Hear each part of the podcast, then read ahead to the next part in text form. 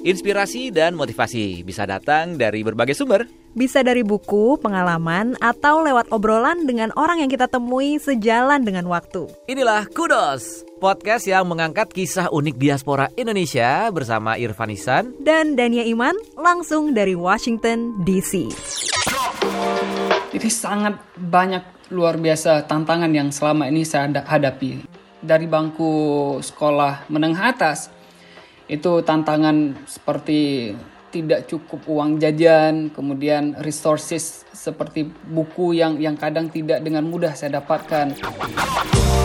Halo, ketemu lagi di Kudos, podcast VOA yang membahas seputar kisah unik diaspora bersama saya Irfan Isan. Dan saya Dania Iman, kita ketemu lagi nih ya Van ya di Kudos, tentunya masih dari rumah masing-masing karena kita semua masih work from home dan melakukan pembatasan sosial ya. Iya, dan gak kerasa puasa tinggal, ya ampun, udah di penghujung bulan Ramadan ini nih. Semoga sisa bulan Ramadan ini bisa dimanfaatkan, bisa dimaksimalkan ya dan puasa-puasa yang sudah kita jalani diterima oleh Allah Subhanahu wa taala. Amin. Amin, amin. Nah, kita langsung aja nih ya. Mhm. Seperti nama podcastnya, Kudos, kisah unik diaspora. Kita kan selama ini selalu membahas kisah-kisah yang unik ya, Mhm. yang inspiratif, apalagi yang berkaitan dengan mimpi dan pencapaian. Ya. Nah, tamu kita kali ini adalah Aula Andika Fikrullah Albalat yang akrab disapa Aula. Nah, Aula ini adalah mahasiswa Lehigh University di Pennsylvania. Baru lulus sih jurusan Instructional Technology. Kilas balik sedikit, Aula ini terlahir dari orang tua yang sehari-harinya berdagang sayur di Gampong Lampasi, Darul Imarah di Aceh Besar untuk memenuhi kebutuhan hidup sehari-hari. Nah, walaupun hidup di tengah keterbatasan ekonomi, hal ini tidak pernah menjadi penghalang bagi keluarga, khususnya Aula ya, untuk tetap semangat dalam meraih pendidikan. Ya. Dan di keluarga itu juga saling bantu. Misalnya Aula harus bayar uang sekolah, eh, lalu kebetulan gak ada uang. Lalu nanti kakaknya menawarkan bantuan untuk menjual barang. Pokoknya sekolah itu tetap nomor satu. Ya, sampai tiba-tiba ada kejadian tragis menimpa keluarga Aula pada tahun 2004 ketika sang ayah ditemukan dalam kondisi sudah tidak bernyawa lagi di dekat sebuah sawah. Diketahui almarhum katanya menjadi korban saat terjadi konflik di Aceh. Pada waktu itu Aula masih kelas 5 di bangku sekolah dasar. Dua orang kakaknya juga meninggal pada tahun yang sama, satu karena sakit dan satu lagi menjadi korban tsunami. Seketika sang ibu menjadi orang tua tunggal dan anak-anaknya termasuk Aula harus ikut membantu berjualan sayur sebelum sekolah. Tapi Aula tetap semangat dalam meraih pendidikan, khususnya memang karena teringat pesan sang ayah yang ingin melihat Aula ini bisa lulus kuliah. Oke, sekarang langsung aja kita ngobrol-ngobrol dengan Aula yang sudah ada di sini. Halo Aula, apa kabar? Sehat alhamdulillah Mas Irfan, Mas Irfan dan Mbak Dania apa kabar di sana? Baik, Alhamdulillah. Terima kasih ya Aula sudah menyempatkan diri untuk ngobrol nih bareng kita di Kudos. Nah, Aula ini bisa dikatakan sebagai sosok yang sangat inspiratif ya, Van ya. Tadi kita sudah mendengar sedikit cerita mengenai Aula yang walaupun dengan adanya keterbatasan ekonomi di keluarga, itu nggak pernah mematahkan semangat Aula dalam meraih pendidikan, bahkan sukses hingga ke jenjang S2 di Amerika. Benar. Tapi pengen tahu nih, kalau buat Aula sendiri nih, yang benar-benar menjadi motivasi Aula yang paling dalam untuk bisa meraih mimpi terbesar. Sekarang kalau dilihat nih, bukan hanya lulus kuliah ya seperti keinginan almarhum ayah, tapi bisa kuliah di Amerika, lulus di Amerika. Wow. Em, berbicara tentang mimpi mungkin kalau dibilang tadi kan disebutkan kata-kata sukses sudah sukses gitu ya tapi saya merasa masih belum dan masih sedang menjajaki tangga-tangga kesuksesan dan mudah-mudahan Allah mudahkan seterusnya dan juga berbicara tentang motivasi awal pasti dan saya rasa semua orang di luar sana juga insya Allah memiliki sudut pandang yang sama bahwa mereka melakukan sesuatu itu pasti tak lain dan tak bukan untuk membahagiakan kedua orang tuanya. Sama dengan saya juga, motivasi awal untuk melanjutkan pendidikan sampai dengan sekarang S2 di Lehigh University, tak lain juga ingin mengukir senyum, ingin membanggakan orang tua tidak hanya di depan makhluk, maksudnya masyarakat, tapi juga meningkatkan derajat orang tua di depan eh, sang pencipta pastinya. Iya, iya. Apa yang menjadi tantangan Aula yang sering kali dirasakan dalam setiap langkah Aula mencapai mimpi tersebut? Banyak mas, jadi sangat banyak luar biasa tantangan yang selama ini saya hada- hadapi. dari bangku sekolah menengah atas itu tantangan seperti tidak cukup uang jajan, kemudian resources seperti buku yang yang kadang tidak dengan mudah saya dapatkan. Kalau bisa membandingkan walaupun yang tidak baik, membandingkan dengan anak-anak lain teman-teman saya ketika mereka membutuhkan buku LKS ataupun buku baru, mereka dengan mudah bisa mendapatkannya. Tapi kalau saya memang harus kadang bersabar atau bahkan harus rela gitu untuk mencari serpihan-serpihan ataupun lembaran-lembaran di di perpus. Itu salah satu tantangan yang tidak mudah tapi saya mencoba ikhlas dengan dan mencoba logowo juga dengan itu. Yang kedua juga mohon maaf harus saya state ini di video ini. Pernah gitu, ada dulu saudara, saudara bukan saudara tapi pernah ada tetangga yang menyatakan bahwa wah jangan harap bisa sekolah ke Syahkuala dulu ketika di Syahkuala kalau tidak ada uang dan orang dalam. Secara tidak langsung beliau menyatakan bahwa kemiskinan dan link dalam artian sogok menyogok itu hal yang biasa di tanah air kita tapi alhamdulillah di tahun 2011 saya membuktikan bahwa bisa sekolah itu bukan karena banyaknya harta yang kamu miliki, tapi kamu hadir ke bangku perguruan tinggi disebabkan karena kecerdasan dan giatnya kamu untuk meraih mimpi itu. Oke, okay. nah ini mengenai tantangan ya, tantangan dalam menempuh pendidikan. Berbicara juga mengenai kondisi keuangan keluarga apa nih perjuangan atau mungkin yang biasa dilakukan oleh orang tua ya dan juga keluarga agar Aula si bungsu nih bisa sekolah, bisa semangat terus gitu? Um, dalam keluarga kami satu hal yang sangat ditekankan um, sejak dulu adalah tidak diizinkan untuk bolos ataupun untuk absen dari sekolah. Jadi kami tidak dibenarkan untuk bekerja dan mencari artinya membantu orang tua dari segi ke, uh, keuangan. Karena orang tua selalu menyatakan bahwa urusan uh, keuangan biarkan kami yang menghandle kalian hanya fokus untuk sekolah untuk sekolah dan sekolah. Jadi pesan itu yang sedari dulu sudah ditanam dan sudah dipupuk dengan baik oleh kedua orang tua terutama almarhum ayah. Oke kemudian cerita begitu sampai di Amerika Gimana nih Aula nih? Kan bisa dibilang ke Amerika apalagi dapat beasiswa ya. Ini mimpi banyak orang kan. Sementara Aula sudah bisa meraihnya. Um, tentu di awal pengumuman beasiswa ini saya merasa bahagia. Akhirnya mimpi untuk melanjutkan pendidikan pasca sarjana di luar negeri Allah wujudkan. Tapi di lain sisi sebenarnya saya sudah tidak menaruh harapan yang tinggi dengan Amerika. Bahkan saya sudah berada di tingkatan sudah mencoret Amerika dari daftar ataupun dari list negara yang ingin saya tinggali, negara yang ingin saya kunjungi. Hal ini disebabkan oleh banyak faktor. Salah satu faktor yang membuat kecewa apa tahap poin itu ada adalah karena dulu saya sudah nge-apply beberapa program ke Amerika tapi kadarullah pada saat itu belum Allah izinkan. Dan alhamdulillah melalui beasiswa USAID prestasi ini Allah wujudkan mimpi itu untuk melanjutkan pendidikan pasca sarjana di Amerika tepatnya di Lehigh University. Dan tentu sebagai seorang manusia yang selama ini sudah berjuang keras untuk mendapatkan mimpinya, ketika mendapatkan beasiswa ini, seperti yang saya katakan di awal tadi, sangat bahagia, terharu, dan semakin excited gitu. Jadi saya kembali menggali list-list uh, yang dulu pernah saya siapkan untuk saya nikmati dan saya kejar di perjalanan ke depan ini. Oke. Okay. Nah, tadi Aula sempat bercerita tentang kegagalan ya, sampai akhirnya mendapat beasiswa S2 untuk kuliah di Amerika. Ini hebat banget. Tapi ini bener nggak katanya sampai 53 kali ya pernah mendaftar beasiswa gitu terus gagal. Itu gimana tuh ceritanya? um, kedengarannya mungkin sangat mustahil ya angka 53 but to be honest um, jika saya tidak salah menghitung ya sudah di angka 54 bahkan 54 di jadi perjuangan itu berhasil tembus di angka yang ke 54 sebelumnya saya pernah apply beasiswa short course um, baik itu yang satu bulan baik yang tiga bulan baik yang enam bulan atau bahkan yang setahun. So saya apply itu setiap setiap setiap ada kesempatan saya mencoba untuk menyiapkan diri mengisi aplikasi dan sebagainya. Apply tapi ya namanya belum rezeki ya. Jadi seberapa kuat pun reje, apa nampak usaha kita jika memang itu bukan rezeki kita ya akan tiba. Jadi kan seperti itu. Jadi benar bahwa sudah di angka itu Uh, jadi pertama kali saya apply beasiswa ataupun program ke luar negeri itu saya ingat pada tahun 2011.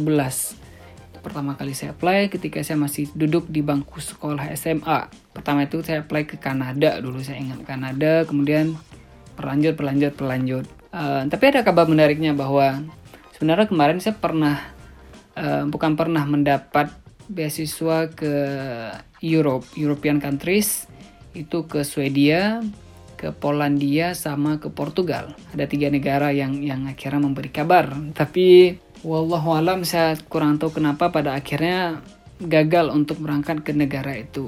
Ya, lagi-lagi memang rezeki ya. Belum rezeki ke, berangkat ke sana dulu, tapi rezekinya uh, ke Amerika. Tentu banyak hikmah, tentu banyak pelajaran. Ya insya Allah uh, sudah saya pelajari selama di sini dan tentunya itu akan bermanfaat either itu bagi diri saya sendiri maupun bagi orang-orang ataupun bagi masyarakat dan umat khususnya. Pernah merasa ini nggak putus asa gitu? Tentu sebagai seorang manusia ya yang banyak salah, yang banyak kekurangan, tentu putus asa sudah pernah. Itu pada saat saya masih ingat ketika saya apply program S2 saya ke Taiwan, salah satu universitas di Taiwan, saya apply ke sana tapi kemudian mereka mengabarkan bahwa saya belum bisa diterima. Karena pada saat itu program itu hanya menjaring satu orang dari Indonesia. Dan so it's really competitive pada saat itu. Dan mereka mengabarkan tidak menerima aplikasi, tidak menerima saya sebagai worthy. Itu saya benar-benar lumayan down. Akhirnya saya meminta izin pada orang tua. Would be possible for me to apply uh, beasiswa di dalam negeri, saya bilang Sesud mungkin rezeki saya memang di dalam rezeki S2 saya mungkin saat itu di dalam negeri bukan di luar negeri tapi orang tua saya pada malam itu sesudah sholat isya saya ingat sekali sesudah sholat isya memberi kabar bahwa coba sekali lagi coba sekali lagi iya iya jadi pure malam itu saya ingat orang tua mengatakan itu dan akhirnya itu menjadi pupuk semangat ya terbesar bahwa ternyata orang tua masih menginginkan saya untuk berjuang, untuk tidak menyerah pada keadaan. Dan kadarullah, Alhamdulillah lagi-lagi berkah doa orang tua pastinya dan juga tentu ada ridhonya Allah di dalam. Akhirnya saya bisa melanjutkan pendidikan pasca sarjana di salah satu universitas yang prestigious yang ada di Amerika. Oke. Okay. Nah sekarang ini komunikasi dengan Mak gimana? Iya mas, frekuensi berkomunikasi dengan orang tua selama saya di Amerika, terutama di tengah COVID-19 ini jauh lebih tinggi dibandingkan sebelumnya. Yang dulunya mungkin hanya sekitar seminggu sekali atau ya karena kesibukan kerjaan. Tapi selama COVID ini frekuensinya bisa sehari sekali, bisa sehari dua kali bahkan. So uh, memang meningkat tajam uh, apa namanya perubahan komunikasi itu. Yeah. Dan dari dulu, dari dulu rasanya orang tua uh, itu selalu mengingatkan jangan pernah tinggalkan sholat, jangan pernah tinggal ngaji, jangan pernah meninggalkan what you have been done di Indonesia gitu di Aceh, apa yang sudah Allah kerjakan di Aceh. Uh, kalau bisa tolong di bukan tolong sih boleh bilang mungkin bahasanya tolong tapi kalau saya menganggap itu bahwa kewajiban saya untuk tidak meninggalkan itu, tidak menjauhkan dari ataupun membuang hal-hal yang dulu saya lakukan.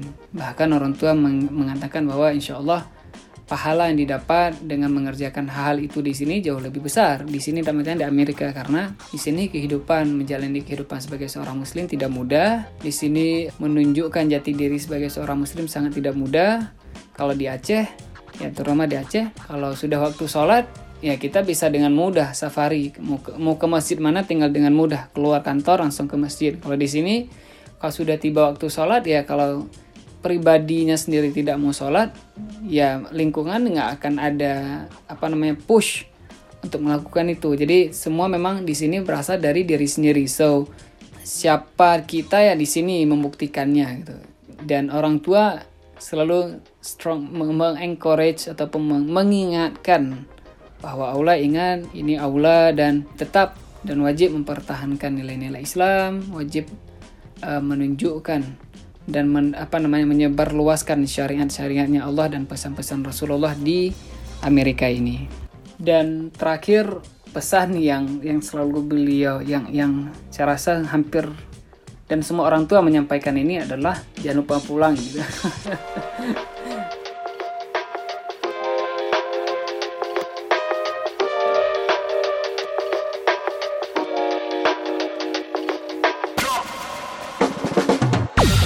Ingin tahu kiprah diaspora Indonesia di Amerika? Atau tentang cerita yang Amerika banget? Tonton Amerikui di YouTube channel VOA Indonesia. Sekali lagi, jangan lupa Simak Amerikui di YouTube channel VOA Indonesia. Amerikui!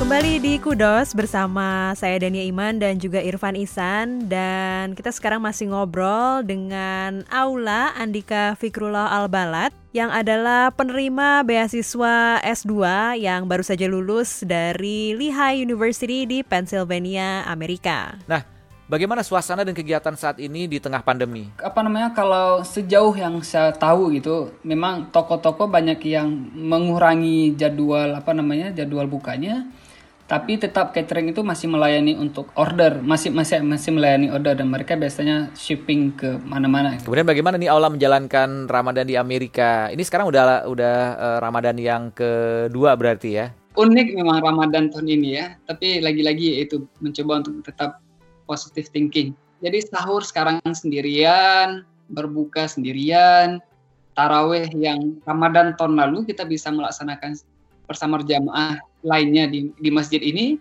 mm-hmm. tahun ini harus menjalani sendiri juga. Terus bagaimana sih kesannya hidup sebagai minoritas Muslim di Amerika yang sudah Allah rasakan selama ini? Saya melihat dan saya pelajari terus terang masih terus mempelajari bahwa sebenarnya kamu tinggal di mana pun itu tidak masalah. Either kamu mau tinggal di Amerika, kamu mau tinggal di, di, di negara mana pun sebenarnya tidak masalah. Yang paling penting sebenarnya seberapa kuat uh, konsisten kamu untuk menjaga apa yang kamu percayai. Jadi tidak mudah, tidak mudah dalam artian bukan dalam artian kamu tidak uh, terbuka dengan dunia luar, tidak. Tapi yang penting kamu kan ada prinsip-prinsip kehidupan yang itu memang tidak bisa diganggu gugat.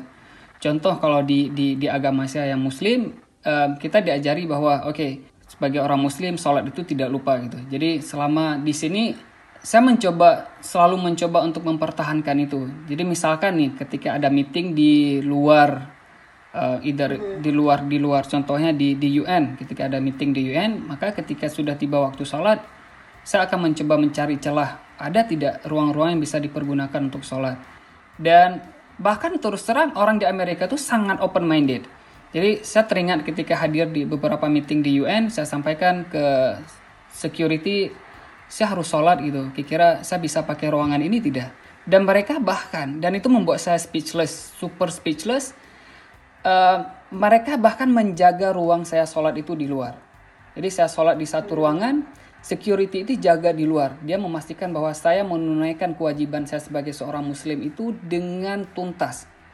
Bahkan ketika saya keluar dia tanya kamu kok cepat kali? Gitu. Padahal saya sholat udah 7 menit. Dia dia menanya kamu kok uh, cepat kali keluar gitu itu sudah selesai semua kalau belum belum kalau belum selesai sholat dulu gitu sampai selesai saya akan jaga di sini gitu so itu experience yang membuat saya kenapa saya harus takut lagi gitu dengan apa yang ada di Amerika ini so that's amazing yeah. Apakah ini terbayangkan sebelumnya nih Aula sebelum menginjakan kaki di Amerika? Sama sekali tidak, Mbak. Sama sekali tidak pernah terbayangkan. Bahkan ketika uh, saya meminta izin sama security yang ada di UN itu minta izin mm-hmm. untuk sholat saya sudah menyiapkan plan B gitu seandainya dia menolak dan saya tidak akan argue apa-apa gitu saya sudah yeah. menyiapkan plan B oke okay, saya akan uh, tempuh jalur lain yeah. Saat ini satu bagian yang sangat penting dari mimpi keluarga dan diri Aula ini sudah berhasil diraih, yaitu lulus kuliah bahkan meraih beasiswa di Amerika.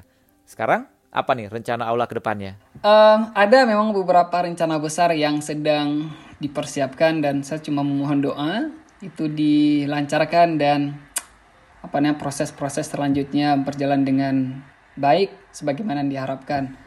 Um, tapi yang sekarang yang paling apa namanya yang paling dekat insya Allah akan pulang ke Indonesia dulu karena hmm. ya ibu sudah berpesan kapan pulang. Uh, jadi saya ingin mem, apa, memenuhi janji untuk pulang dulu um, either itu akan balik lagi ke US dalam waktu dekat atau tahun depan biarkan waktu yang berbicara atau bahkan nanti insya Allah saya posting kok di media sosial. Oh, kita tunggu kabar selanjutnya ya. Nah, Aula apa nih pesan dari Aula untuk teman-teman yang sedang mendengarkan podcast Kudos ini? Pesan untuk teman-teman semua, yang pertama tetap percaya bahwa kalian itu istimewa, kalian itu penuh talenta, dan kalian itu spesial. Jadi jika ada satu or, satu dua orang yang selama ini pernah membuat kalian jatuh atau bahkan down, jangan pedulikan itu, tapi jadikan itu sebagai semangat kalian untuk terus berbuat yang terbaik dengan cara-cara yang baik. Yang kedua, jika kalian hari ini bermimpi untuk melanjutkan pendidikan, either itu di Amerika atau bahkan ke negara-negara lain, saya tetap mengencourage kalian tetap melakukan persiapan dengan bagus, tetap menjalani prosesnya dengan santai, dan yang paling penting, tetap berdoa. Jadi, tugas kita sebagai seorang hamba adalah melakukan uh, apa namanya usaha sesuai dengan kemampuan yang kita miliki hasil apa pun itu apakah hasilnya nanti perjuangan teman-teman tidak sesuai dengan apa yang teman-teman uh, harapkan berarti itu adalah pilihan yang terbaik yang sedang Allah uh, berikan dan tetap percaya bahwa apa pun keputusan yang hari ini teman-teman dapatkan adalah itu yang terbaik untuk masa depan teman-teman so jangan pernah berpikiran negatif selalu berpikiran positif akan apa pun yang ada dalam kehidupan kita. Wah, semoga cerita Aula ini bisa memberikan inspirasi ya kepada teman-teman yang sedang mendengarkan, lalu juga menyemangati teman-teman yang dengan berbagai tantangan dan rintangan yang dihadapi